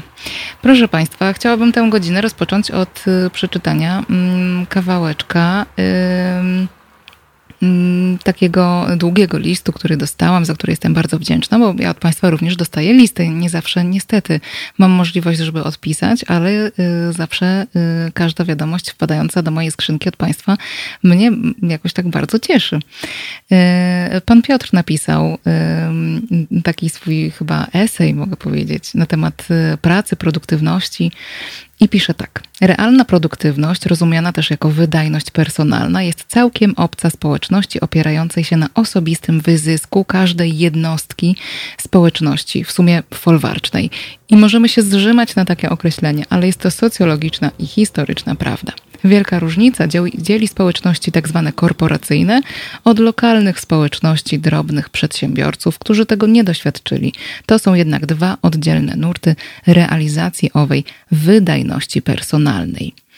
I, I, tę wydajność personalną e, pan Piotr rozumie mm, jako taką zależną od kilku czynników. Po pierwsze, od kompetencji personalnych, wiedzy i doświadczenia. To w sumie chyba truizm, tak pisze. Warunki otoczenia, po drugie, dla możliwości i skuteczności wykonywania czynności, warunki motywacji. I po trzecie, osobiste preferencje, predyspozycje, zdrowie, e, nastawienie psychiczne. Mm. No i właśnie to trochę y, gdzieś podsumowuje to, o czym powiedzieliśmy w pierwszej części, czyli że ta produktywność może być różnie rozumiana, y, może być też wykorzystywana w takim nie najlepszym kontekście wykorzystywania pracowników do coraz cięższej, coraz trudniejszej pracy, o tym, y, czy coraz bardziej wydajnej pracy, o tym też wspominał pan Maciej, który się do nas dodzwonił. Jakie jest Państwa zdanie na ten temat? Jak wygląda Wasza praca aktualnie? Czy jest lepiej, czy jest gorzej, czy w ogóle jest bez zmian? Czy ta Wasza praca to jest y, taka, która jest możliwa do tego, żeby ją odbywać y, w sytuacji izolacji, czy zupełnie nie. Dajcie znać w komentarzach na YouTubie, na Facebooku, y, dajcie znać y, telefonicznie. Zadzwońcie do studia, opowiedzcie o tym pod numerem telefonu 22 39 059 22. Takie telefony od Was odbieram. Jest z nami jeszcze nasz dzisiejszy ekspert, dr Rafał Albiński, psycholog z Uniwersytetu SWPS, który zajmuje zajmuje się y, naukowo y, tematem, no właśnie, pracy, ale też prokrastynacji. O pracy, o produktywności mm, trochę już powiedzieliśmy, to może teraz y, przejdźmy do tego, co to jest ta prokrastynacja i czy ona się w jakiś sposób może wiązać z tą hiperaktywnością, której doświadczamy, mm, być może część z Państwa doświadcza mm, aktualnie. Znaczy najprościej rzecz ujmując, to jest tak zwane odkładanie spraw na później, tak? Czyli coś miałem zrobić dzisiaj, a mówię, a dzisiaj nie, jutro będzie lepiej, tak lepszy czas. Przy czym tutaj trzeba dodać, że to jest takie szkodliwe odkładanie, czyli to, że odkładam generalnie długofalowo przynosi mi szkody, tak? No bo jest takie, czyli jest odkładanie zdrowe, kiedy mówię, dzisiaj nie mam czasu, zrobię jutro, przychodzi jutro i robię, tak? Czyli planowanie w dobrym ujęciu zdrowym. Natomiast odkładanie, prokrastynacja, ta szkodliwa, to jest taka sytuacja, kiedy ja odkładam i czuję, że robię źle, czuję, że to, to mi się nie opłaci. Także jest taka, czyli to się wiąże z dyskomfortem, po prostu odkładam i w tym momencie tej decyzji, że nie dzisiaj, czuję, że, że to jest y, kiepski pomysł. Mhm. I faktycznie no, w czasach pandemii naszej obecnej, no to pewnie u niektórych, też nie u wszystkich na pewno, te pokusy do ucieczki nie wiem, Netflixa czy inne, inne źródła mhm. rozrywki mogą być większe i jest też właśnie łatwiej, bo nie, nie ma tego nadzoru, tak? Nie ma nad nami mhm. szefa, który chodzi i patrzy, co robimy. E, chociaż też nie, nie, nie w każdej pracy taki szef, szef chodzi i patrzy oczywiście, ale mm, łatwiej jest no, domowy, na, tej, na, tej, kanapie tak, domowej e, kliknąć sobie tu, gdzie nie, nie, powinniśmy i mamy oto tak, mhm. świat filmów czy innej rozrywki, więc to, to bym tak definiował, aczkolwiek e, myśląc o tej hiperproduktywności, to znów wracamy do tego pojęcia e, produktywności, czyli robienia tego, co mówiliśmy, że tego, co, co trzeba, tego, tego, tej dobrej pracy. E, bo może też tak być, że my prokrastynując robimy mnóstwo rzeczy. To nie jest tak, że ja jakby siedzę i patrzę się w ściany, tak ja mogę sprzątać lodówkę, wytrzeć podłogi y, i zrobić tysiąc innych, skąd inąd istotnych rzeczy, które trzeba było zrobić, ale nie w tym momencie. Mm -hmm. tak? Czyli to nie jest ten czas na sprzątanie mojej lodówki, tylko inny. Tak? No dobra, Więc ale może skąd być tak, to że jest? Uciekam. Skąd to jest? Bo y, przecież to nie jest tak, że jak ja jestem w domu i z domu pracuję, to ta lodówka już mnie tak kusi, żeby ją umyć, nie? Y, tylko jak o tym myślę, to dla mnie to jest jednak jakaś taka reakcja y, stresowa, jakby taki sygnał, że y, hmm, nie wiem, czy mam za dużo, czy może, że to nie jest to, co ja bym chciała. Jak to, mhm. Mm, jak to od strony naukowej wygląda? Znaczy tutaj też często bardzo mówi i pisze, że lęk leży u podłoża, to znaczy na przykład lęk przed porażką, czy właśnie takie poczucie, że ta moja praca tak do końca nie ma sensu, więc mhm. mogę ją odłożyć. E, natomiast bardzo często właśnie jest, jest mowa, mowa o lęku, że to jest taki, taki mechanizm napędzający taki podsuwacz pokus, tak? No bo tak naprawdę znaczy, to my decydujemy, że odkładamy, tak? Czyli nieważne jaki ten lęk jest, czy on jest niski czy wysoki, e, to ja decyduję ostatecznie, co robię, tak? To jakby mogę mimo wysokiego lęku uznać, że wykonuję to, co miałem zrobić, tak? Mhm. Ale lęk jest takim, takim kusicielem, nazwijmy to. Mhm. E, I tutaj no ogólnie, jak mówiliśmy przedtem, że, że w pandemii ten lęk y, no, o przyszłość tak jest dość wysoki, to już samo to może sprawiać, że ludzie łatwiej uciekają w takie takie zapychacze czasu. Takie, znaczy, bo też często jest tak, że ta ucieczka ma na celu to, żeby e, nie myśleć o tym, czego się boimy. Odwrócić taka, uwagę. Taka, mm. Dokładnie, czy, czy w grę, mm. czy, czy w książkę nawet, tak? To może być bardzo jakby skądinąd y, pożyteczna aktywność, po prostu nie w tej chwili. To jest ten element. Mm. To jest też ta, ta ułuda zwlekania, że nam się wydarzy, czujemy, że robimy ważne rzeczy i owszem, ale nie jest to na nie, na nie moment. No i do czego to może doprowadzić? To znów jak psycholog to zależy, to znaczy w jakiej sytuacji, no nie wiem, czy to będzie jakiś deadline w pracy, który przepadnie, czy no tutaj jakby konsekwencje zwlekania zależą od tego, z czym zwlekamy, tak od mm -hmm. trywialnych, drobnych spraw do poważnych, nie, zdrowotnych kwestii, na przykład zwlekanie z e, badaniem medycznym, tak, tak też o tym się pisze, że bardzo często ludzie odkładają, no, bo, boją się diagnozy, tak, odkładają tak. pójście do lekarza, no i skutki są wręcz śmiertelne czasami. Także tutaj no, konsekwencje wynikają w dużej mierze z tego, z czym zwlekamy.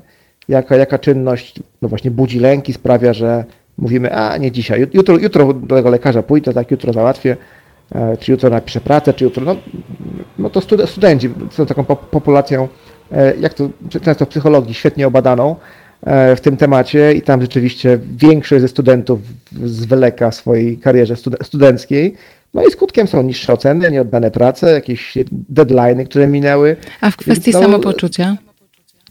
E, no właśnie jest poczucie winy bardzo często, tak? Ten dyskomfort, który jakby jest i w momencie, kiedy ja zwlekam, kiedy już wiem, że to jest niemądre, co robię, a potem po, po konsekwencji jeszcze większy, tak? Poczucie mhm. winy.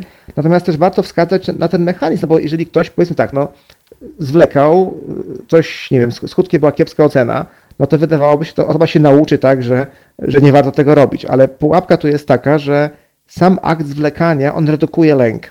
jak mówi, to jest ucieczka, jak mówiliśmy, tak? Czyli mm -hmm. no to takie to behawioralne ABC, czyli jest, jest ten bodziec lękowy, ucieczka i efektem jest spadek lęku. Więc mimo tego, że konsekwencje są kiepskie, taka osoba i tak to powtarza, to ta ul- bo tak jej się podoba ta ulga, mm, dokładnie, mm, że a, włączę film, a, wezmę książkę, a pójdę na spacer. I to jest tak silny spadek lęku, że zachowanie się powtarza, tak, niestety. To jest ta pułapka właśnie, która tutaj napędza to, że nie uczymy się, że zwlekać się nie opłaca na dłuższą metę. No tylko, że niestety, mm, jak to w lęku i w takich działaniach unikowych, mm, to niestety tego lęku nie minimalizuje, tylko jednak wpływa na to, że ten lęk jest coraz to większy. Doraźnie zmniejsza, a potem ten lęk oczywiście to sobie rośnie bardzo szybko. Też mhm. tu, tu, i teraz przez chwilę czujemy taką ulgę i właśnie ta ulga napędza no i tak jak no, różne podejścia terapeutyczne, typu terapia akt, czyli e, akceptacji zaangażowania, uczy właśnie, żeby jakby to, to, że lęk jest, to nie jest, znaczy lęk zawsze będzie, tak? Nie da się lęku usunąć, to jest bardzo potrzebna emocja. I chodzi o to, żeby ten lęk jakby zauważyć, że on jest i robić swoje, tak? Nieważne jaki on będzie, choćbyśmy się bardzo bali, tak? Zresztą odwaga to jest działanie mimo tego, że czujemy lęk, tak? To nie jest działanie bez lęku. Mhm. To jest Bój się i rób.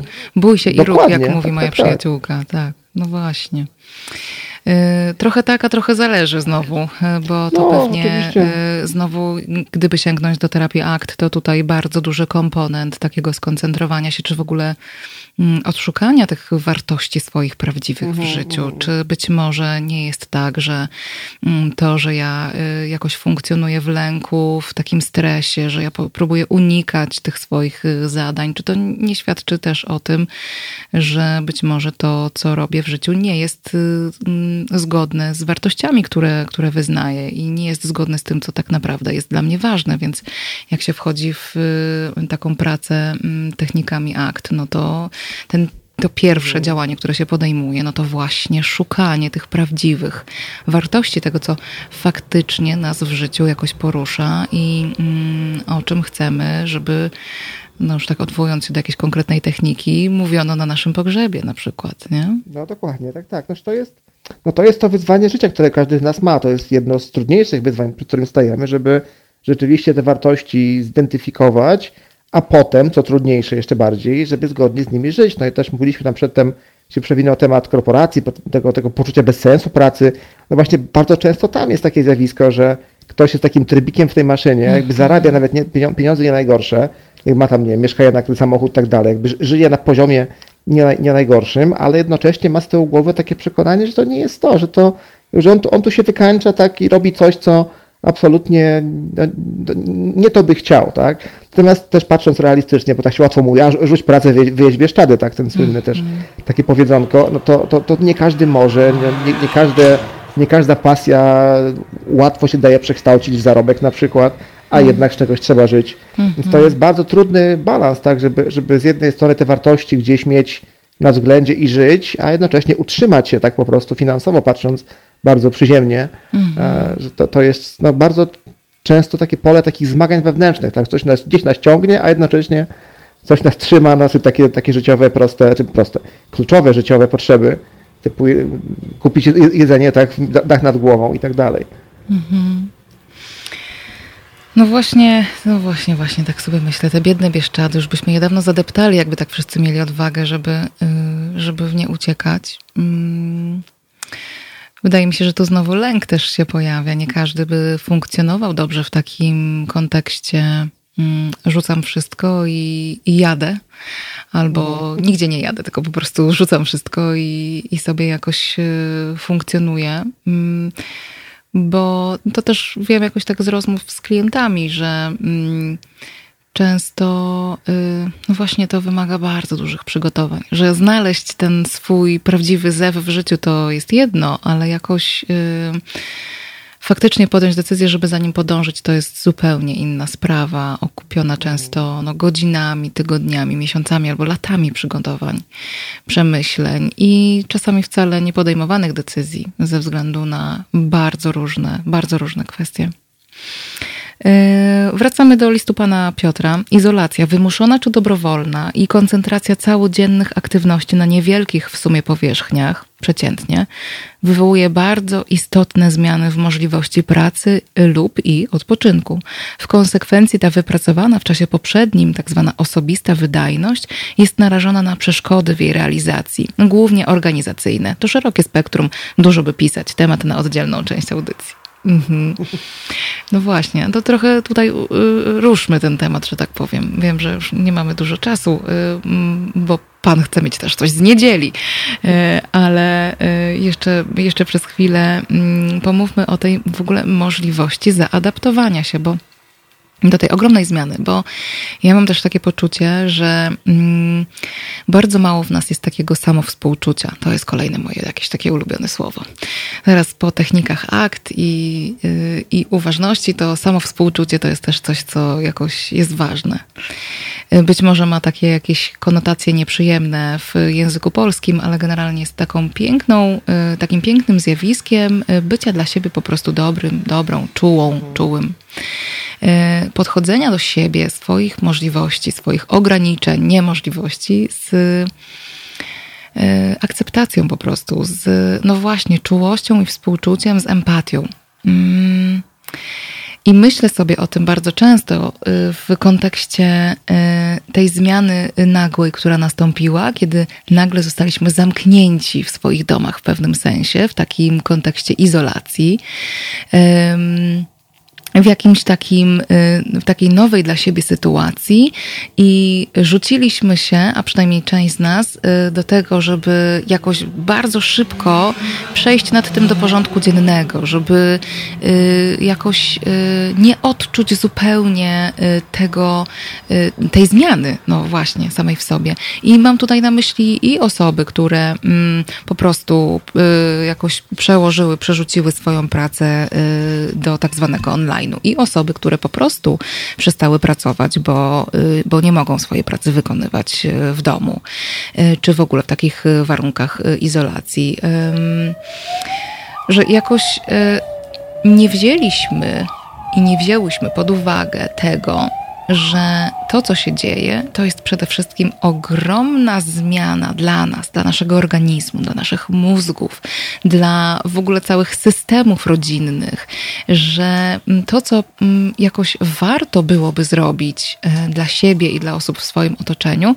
to najzwyczajniej w świecie dać sobie czas na to, żeby się do tej wielkiej zmiany zaadaptować. I to nie przez godzinę albo dwie, albo w ciągu dwóch, trzech dni po prostu wypracować jakiś taki techniczny sposób na mm, robienie swojej pracy, mm, tylko y, naprawdę takie y, y, prawdziwe, głębokie przyjrzenie się temu, co mi w związku z tą sytuacją się wydarza, co ja w związku z tym czuję, czego ja w związku z tym potrzebuję. Zrobienie sobie miejsca, przestrzeni, czasu na to, że ja się mogę teraz czuć po prostu źle, mogę się po prostu czuć gorzej, może mi ta sytuacja zupełnie nie pasować, mogę być w lęku, mogę być w chaosie, mogę mieć ataki paniki, mogę nie wiedzieć, nie potrafić się zabrać do pracy yy, takiej czy innej, nie potrafić funkcjonować w sytuacji, w której tej pracy nie mam, a do tej pory to było coś, co mm,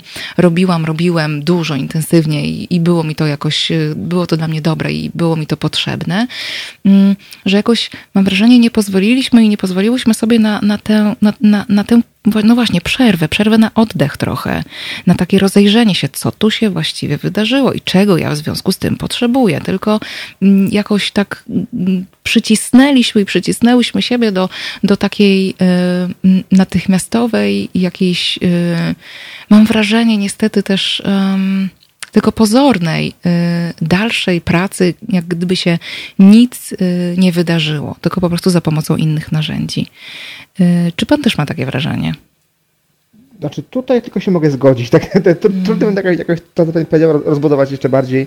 To dokładnie mam, mam takie poczucie i to jest tak ogólnie też taki znak naszych czasów, ten brak współczucia dla samego siebie. Nie, znaczy teraz szczególnie go odczuwamy, mhm. ale to jest chyba coś, co właśnie nie idzie w parze z tą kulturą produktywności jak mówiłem przedtem, ona mówi więcej, więcej, więcej, tak? A współczucie mówi, no odpocznij trochę. I to też jest poszukiwanie pewnej równowagi pomiędzy jednym a drugim, bo to fajnie być produktywnym w takim dobrym znaczeniu, czyli robić swoją robotę dobrze, ale jednocześnie jakby i fajnie, i trzeba też odpocząć, właśnie tam pójść na ten spacer do parku, tak? Czy to tam e, koło pasuje, bo jakby jedno bez drugiego jakby to musi, musi być w równowadze. Jeśli będzie sama praca, no to nie za fajnie. Jeśli jakby nie tylko odpoczynek, to też się w końcu pewnie znudzi, tak? Mhm. Właśnie tak jak mówiła Pani już na początku rozmowy o emerytach, którzy, którzy mm, przechodzą na emeryturę i się okazuje tak, że on się budzi rano w poniedziałek i nie ma gdzie pójść, tak? I miało być tak wspaniale, miało być tyle wolnego czasu, no i jest. I na tym polega problem, tak? Że trzeba od nowa sobie zbudować jakiś plan dnia i to jest bardzo często kolosalne wyzwanie. Mhm. Więc tak, no to tutaj, i tutaj też te, w takiej sytuacji jest to szok, więc też współczucie do, dla siebie samego. W pandemii tak samo, no, żeby, żeby zatrzymać się, bo naprawdę no, nigdy nie było takiej sytuacji za naszego życia, bo już w historii było oczywiście, ale takiego, tak, takiej nagłej zmiany odgórnie wymuszonej tak przez sytuację w skali światowej, więc y, na to nikt nie był gotowy, nikt nie przypuszczał, że tak się rozwinie w takim tempie szczególnie i faktycznie to, ten, ten, ten tranzyt do, tego, do tej sytuacji nowej jakby chcielibyśmy, żeby był szybki i bezbolesny, a taki nie jest z reguły. Taki właśnie jest taki dziwny dyskomfort istnienia w tym momencie, że tak było inaczej. Na przykład mi brakuje studentów, brakuje mi, znaczy mamy ich oczywiście online, tak, ale mhm. właśnie brakuje mi sali, brakuje mi ludzi, czy auli wykładowej i jakby zdaję sobie sprawę właśnie, jakie to jest dla mnie ważne, tak, więc też jakby staram się z tej, z tej, z tej sytuacji jakby wyciskać takie dobre lekcje dla siebie, ale i też no, mam, mam to szczęście, że pracuję tak i, i jestem w stanie e, z domu wykonywać właściwie wszystko, co robiłem na uczelni. Natomiast y, też miałem taki moment, że kurczę, mam dzisiaj zły dzień, czy to jest normalne, tak? Czy, mm. czy może właśnie trzeba dać sobie tę przestrzeń, że no tak, no czegoś mi brakuje, odczuwam jakąś stratę, tak? Nie mogę jechać do swojego, swojego biura na przykład, tylko muszę siedzieć w domu przy komputerze. -hmm. Więc y, miałem takie dni. Wiem też z rozmów ze znajomymi, że mają bardzo podobnie, że taki, taki dzi dziwny stan, który trudno opisać, takiego jakiegoś niepokoju, y, takiego poczucia dziwności y, im towarzyszy niestety. Także znaczy, albo niestety po prostu jest, jest to cecha sytuacji, po prostu trzeba właśnie dać sobie tę przestrzeń i spokojnie przez to przejść, ale nie przebiec, nie, nie w pośpiechu, nie w gonitwie, tylko tak, jeśli oczywiście możemy, no bo jak mówiliśmy, nie każdy jest w stanie, też są, takie prace, gdzie ta presja jest olbrzymia, więc ci, takie osoby nie mają tego luksusu, to też jest przywilej, tak, żeby się zatrzymać na chwilę, też nie każdy może. Tak. Mm, tak, też o tym jakoś myślę intensywnie, że właśnie nie każdy może. Tu Państwo wspominacie, y, pan Wojciech y, dopowiada do swojego poprzedniego komentarza, że mm, powinniśmy też y, się jakoś skoncentrować, czy wziąć pod uwagę sytuację kobiet, gdzie łączenie etatów pracy i w domu od 100 lat jest koszmarem. I o ile łatwiej to połączyć w domu. No, panie Wojciechu, tak szczerze, jak matka, to panu powiem, że wcale niekoniecznie. że to nie zawsze tak jest, że y, również próby połączenia mm, pracy w domu y, etatowej z tą pracą w domu y, nieetatową, nieopłacaną przez nikogo, tylko związaną właśnie z mm, opieką nad dzieckiem i nad innymi domownikami i z prowadzeniem domu, tak zwanym to wcale nie jest taka łatwa sprawa. Y, I obawiam się, że w wielu przypadkach y, ta sytuacja izolacji, kiedy teraz y, nie ma też wsparcia znikąd dla rodziców, którzy no, są odizolowani w swoich domach przecież razem ze swoimi dziećmi, które teraz są z nimi przecież przez całą dobę, nie ma już możliwości, żeby ktokolwiek ich wsparł w tym czasie, bo dzieci nie chodzą do placówek wychowawczych w żadnym wieku, nie są nawet na te parę godzin w szkole czy w przedszkolu. Nie może przyjść nikt do pomocy, czy to niania, czy, czy po prostu babcia, bądź ciocia, bądź sąsiadka. To też nie jest łatwa sytuacja, ale mam wrażenie, że to jest y, temat znowu na y, osobny, y, na osobny program. Mm, a wracając do tych naszych rozważań sprzed chwili, pan Marcin pisze, że empatii i współczucia nie da się nauczyć. Że ta cecha defini doskonale definiuje ludzi. Mm, ja się jakoś nie mogę z tym zgodzić. E, to znaczy, z empatią pewnie można by polemizować, bo tutaj to rzeczywiście jest jakoś mm, mam na myśli rozwój tych neuronów lustrzanych, które za mm, empatię w dużej mierze odpowiadają, no to się rzeczywiście wydarza w pierwszych miesiącach, w pierwszych latach życia, życia dziecka. I potem pewnie jest już trudno taki brak czy no gdzieś u, u, powiedzmy ubytek uzupełnić, e, ale co do współczucia, to jednak e, da się go nauczyć, również samo współczucia. E, są na to e, metody, są całe programy zbudowane służące temu, żeby e, współczucie i samo współczucie rozwijać, mm, więc, więc da się to zrobić i polecam Państwu serdecznie. Są takie, są takie nawet warsztaty, takie spotkania, takie grupy. Jest taki program nawet ośmiotygodniowy, który wspomaga mm, takie budowanie samowspółczucia, czy takiej czułości, empatii do siebie. Więc można, można próbować, jeżeli Państwo czujecie, że faktycznie to dokręcanie śruby, ta taka hiperaktywność, y, czy takie dążenie do y, jakiejś ogromnej produktywności wiąże się u Państwa z tym, że po prostu nie macie dla siebie współczucia. Po prostu sami siebie, wcale nie potrzebujecie żadnego szefa, mm, żeby on tam Wam podkręcał śrubę, tylko, tylko sami, czy szefowej, tylko sami y, sobie to potraficie robić i macie taki pomysł, że być może to wynika z tego, że trochę, hmm, jak to powiedzieć, hmm, panie doktorze, że, że może trochę z tego, że nie do końca siebie lubicie, że nie do końca jakoś czujecie, że zasługujecie na to, żeby też odpoczywać, żeby też no, zwracać uwagę na swoje potrzeby.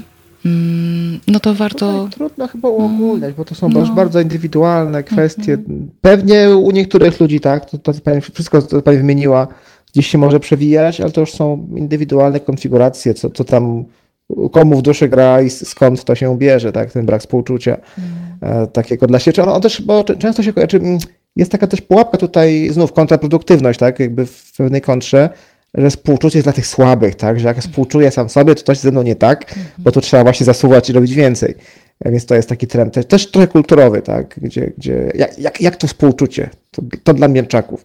A tu chodzi o takie właśnie zdrowe, takie dobre współczucie, które y, też stosowane w dobry sposób y, ulepszy pracę. To jest, to jest ten taki też y, kolosalny bonus tego, to jakby współczując sobie i dbając o siebie, praca będzie wydajniejsza, tak? Praca będzie lepsza będzie więcej relaksu, mniej stresu trochę oczywiście, aczkolwiek no, znów zależy od pracy, tak, zależy od, od środowiska, od osoby, indywidualnych cech. Tak, tutaj faktycznie jak się na taki poziom schodzi, to tru, trudno tak właśnie, że psychologia naucza, tak, bo, czy badania pokazują, bo tutaj rzeczywiście już są bardzo indywidualne konfiguracje, e, czy takie podejście już ideograficzne, skupiamy się na osobie konkretnej, tak, i na przypadku, mówiąc tak bardzo klinicznie, i, i badamy o co chodzi u danego delikwenta.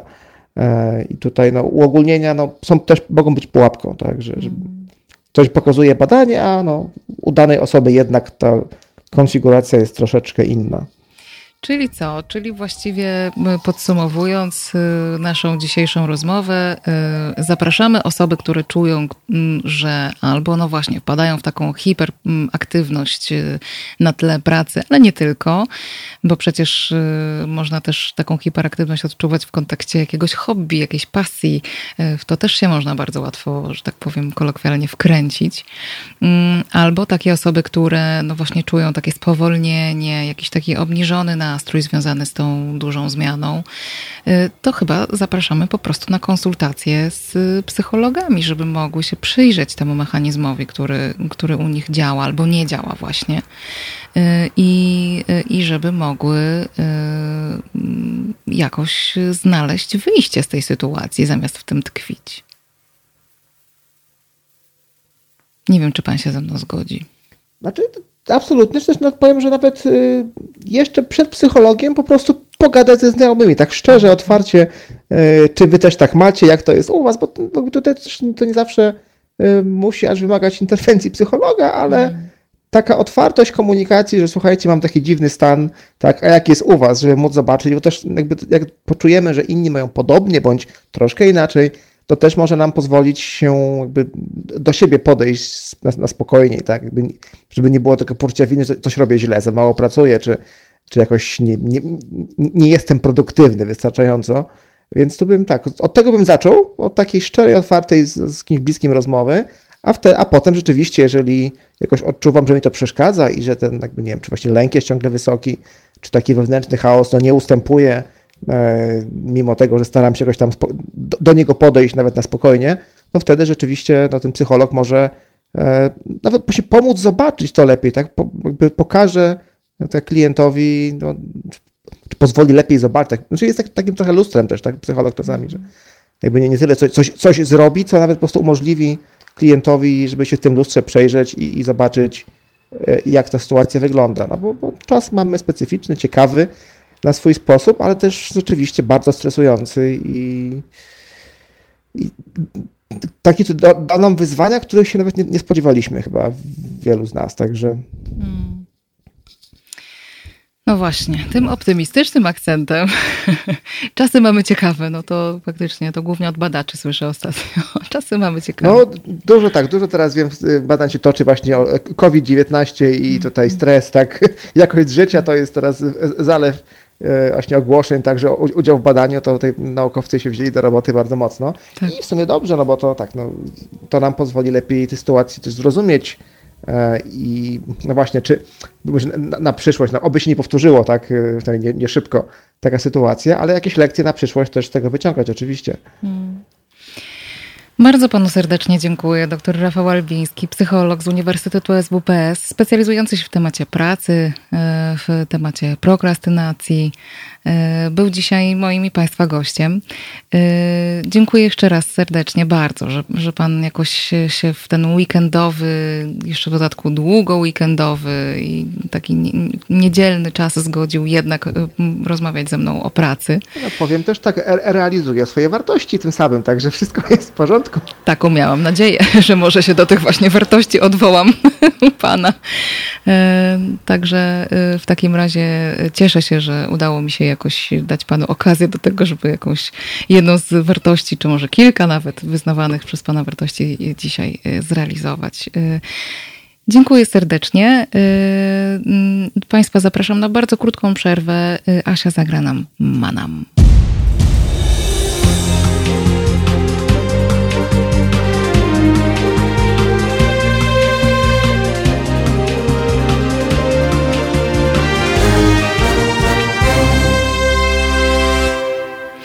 Dzień dobry Państwu jeszcze raz. Joanna Frejus, 18.38, y, trzeci dzień maja.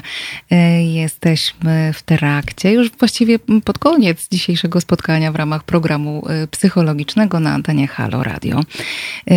I jeszcze jest taka rzecz, którą bardzo chciałabym z Państwem poruszyć i ona jest bardzo mocno związana z tematem pracy, produktywności i takiego osiągnięcia osiągania swoich celów i zamierzeń, również zawodowych, ale przecież nie tylko. I być może to dla Państwa zabrzmi bardzo dziwnie, i być może te dwa słowa się Państwu zupełnie nie dodają, ale chcę Państwu powiedzieć, że nasza aktywność produktywność, albo coś, co ja wolę nazywać realizowaniem potencjału swojego, wcale nie jakimś tam maksymalnym realizowaniem swojego maksymalnego potencjału, bo my już po prostu wszędzie, y, nawet w takie wspierające teorie musimy wchodzić, mam wrażenie, z y, y, tą produktywnością właśnie. Ale no właśnie, dwa słowa, które być może się według Państwa nie dodają, czyli produktywność i relaks, odpoczynek. No, y, niestety, albo właśnie stety, y, bez, y, bez, bezapelacyjnie ze sobą powiązane zwroty i bezapelacyjnie ze sobą powiązane mm, zjawiska. Wyobrażam sobie, albo myślę sobie, że byłoby nam dużo, dużo łatwiej w życiu, gdybyśmy zaakceptowali i zaakceptowały fakt, że żeby dobrze pracować, to musimy również, proszę Państwa, dobrze odpoczywać, dawać sobie czas na to, żeby odpuszczać, żeby nic nie robić, żeby się najzwyczajniej w świecie jak mopsy nudzić, bo to jest pożywka dla y, kreatywności, którą tak y, wiele z nas, y, wiele osób lubi i docenia. To jest pożywka dlatego, żeby się czuć dobrze w tym, co robimy. Te właśnie bardzo ważne okresy nic nie robienia. I tutaj nawiązuje do tego, do takiej małej dyskusji, która się przetoczyła przez czat. E, Dry High pyta, e, czy spanie jest marnowaniem czasu? Czy lenistwo jest marnowaniem czasu? Jest to właśnie coś przyjemnego do osiągnięcia. Mhm, no. A pan Marcin y, z kolei pisze tak. Jeśli pracuję zdalnie, moja produktywność spada do minimum, ponieważ rozprasza mnie w domu wiele rzeczy i włącza mi się lenistwo. Nadrabiam zawsze kolejnego dnia. Wiem, że to jest bardzo duża pokusa i że jak już się funkcjonuje w takim. Y, no właśnie w takiej zadaniowości, że ja mam listę rzeczy do zrobienia i ja potrzebuję te rzeczy wykonać y, bez względu na to, czy to jakoś się mieści w dobie, czy się nie mieści, bez względu na to, jak ja się czuję danego dnia i bez względu na to, jakie są moje możliwości po prostu danego dnia, bo przecież nie jesteśmy jakimś monolitem, który zawsze codziennie jest w dokładnie takim samym nastroju, ma dokładnie taki sam poziom energii. Mm, potrzebujemy też się regenerować. To jest yy, taka. Yy, a no i właśnie pokusa jest bardzo duża, że w momencie, kiedy już dajemy sobie czas na odpoczynek, to potem próbujemy nadrabiać. Nadrabiać, bo wczoraj odpoczęliśmy, to dzisiaj y, zrobimy podwójnie dużo. Albo też bardzo częsty y, przypadek. Y, wyjeżdżam na dwa tygodnie urlopu, więc najbliższe dwa miesiące muszę docisnąć. Znacie to? Czujecie? No to po prostu wtedy nie działa.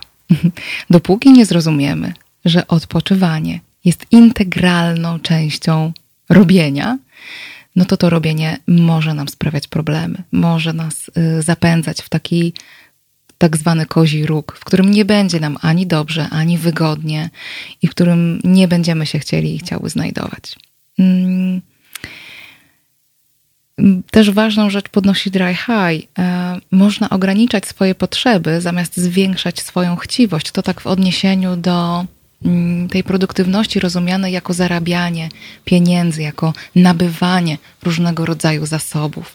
Jeżeli czujemy, że ta produktywność jest nam niezbędna po to, żeby utrzymać na przykład jakiś poziom życia, funkcjonowania, to warto czasami zastanowić się, czy faktycznie jest tak, że to jest poziom konieczny, czy być może z jakiegoś powodu mm, można to nasze funkcjonowanie, czy y, tę potrzebę nabywania różnych zasobów ograniczyć. Oczywiście nie jest to możliwe dla wszystkich i nie jest to możliwe w każdej sytuacji, ale warto przynajmniej y, taką y, sytuację rozważyć, sprawdzić, czy to nie jest dla nas jakiegoś rodzaju wyjście. E, z tej sytuacji nadmiernej produktywności, nadmiernej aktywności i takiego, no właśnie, lęku i stresu. Mm, bardzo ciekawa teoria mm, w związku z COVID-19 ostatnio się pojawiła, że w zasadzie e, aktualnie najbardziej cierpi dobrostan tych osób, które mają najwięcej do stracenia, a więc tych osób, Oczywiście w takim pojęciu rynkowym.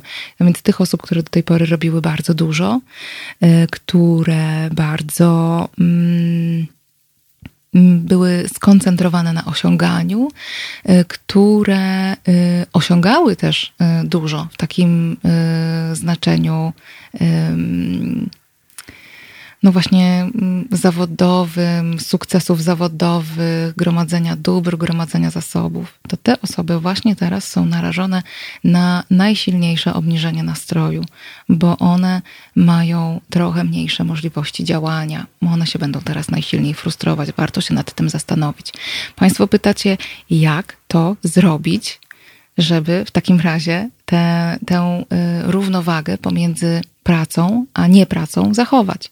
Proszę Państwa, dokładnie to samo znaczy ja proponuję traktować e, odpoczynek dokładnie tak samo jak nieodpoczynek. To znaczy, jeżeli Państwo planujecie swoją pracę, to proponuję również planować swój odpoczynek. Po prostu, kiedy robicie listę zadań na dziś, albo na tydzień, albo na miesiąc, to umieśćcie na tej liście również to, co pozwoli Wam odpocząć i zregenerować siły. Nie jesteśmy jakimiś y, samoregenerującymi się y, bateriami. Ja nie wiem, czy takie bakterie w ogóle istnieją. Chyba nie. Jeżeli, proszę Państwa, nie pozwalacie na to, żeby bateria w Waszych telefonach się wyczerpała, albo żeby bak Waszego samochodu zupełnie wysechł, to dlaczego pozwalacie na to w kontekście samych siebie? Hmm? Zostawiam Was z taką refleksją na dzisiaj. Zapraszam Was do tego, żeby się zastanowić nad tym, jak Wasze osobiste baterie i baki mogą być ładowane na nowo. E, o, i taki ładny cytat na koniec podrzuca pani Paulina. Jeśli marnowanie czasu daje ci radość, to nie jest to czas zmarnowany. I to słowa Johna Lennona. Mm. Dziękuję za dzisiaj. Zapraszam Państwa bardzo serdecznie do wspierania naszego projektu, jakim jest Radio Obywatelskie Halo Radio. Szczegóły, jak to zrobić, znajdziecie Państwo na stronie www.halo.radio. Zapraszam też, jeżeli macie Państwo jakieś propozycje tematów y, do programu psychologicznego bądź do programu seksuologicznego, zapraszam do kontaktowania się ze mną pod adresem frejusmałpahalo.radio. Mm, I słyszymy się już we wtorek o godzinie 21 na antenie Halo Radio. A teraz już bardzo dziękuję. Dobrej reszty niedzieli i wspaniałego poniedziałku, w którym mam nadzieję będziecie mogli pójść do pracy, którą lubicie, która Was nie stresuje, a po tej pracy również będziecie w stanie odpocząć. Dziękuję. Do usłyszenia. Dzień dobry, nazywam się Kuba Wątły. Jestem pomysłodawcą projektu Haloradia, pierwszego w Polsce w pełni profesjonalnego medium dla obywateli. Dla niektórych z Państwa jestem też ojcem dyrektorem, chyba dlatego, że czasami udzielam się w naszych programach nagle i z zaskoczenia. I dobrze, wszak dobre toruńskie wzorce są zawsze w cenie, no poza tym jednym. Pan Rydzyk gromadzi pieniądze, by nas dzielić i z czasem doprowadzić do wojny domowej na tle religijnym. My prosimy natomiast Państwa o wsparcie, by móc z Wami rozmawiać, by wspólnie się uczyć, by tolerancję zastąpiła akceptacja. Zauważyliście, jak różne są te dwa słowa? Akceptujmy siebie i akceptujmy to, że po 30 latach, od 1989 roku, tylko dzięki państwu możemy tworzyć medium bez udziału polityków i nie na pasku korporacji. Pamiętajcie o nas codziennie. Jeśli chcecie być częścią naszej społeczności, to słuchajcie, oglądajcie, piszcie, mówcie i finansujcie swój obywatelski projekt Halo Radia. www.halo.radio ukośnik SOS. Dziękuję w imieniu wszystkich dziennikarzy i swoim własnym.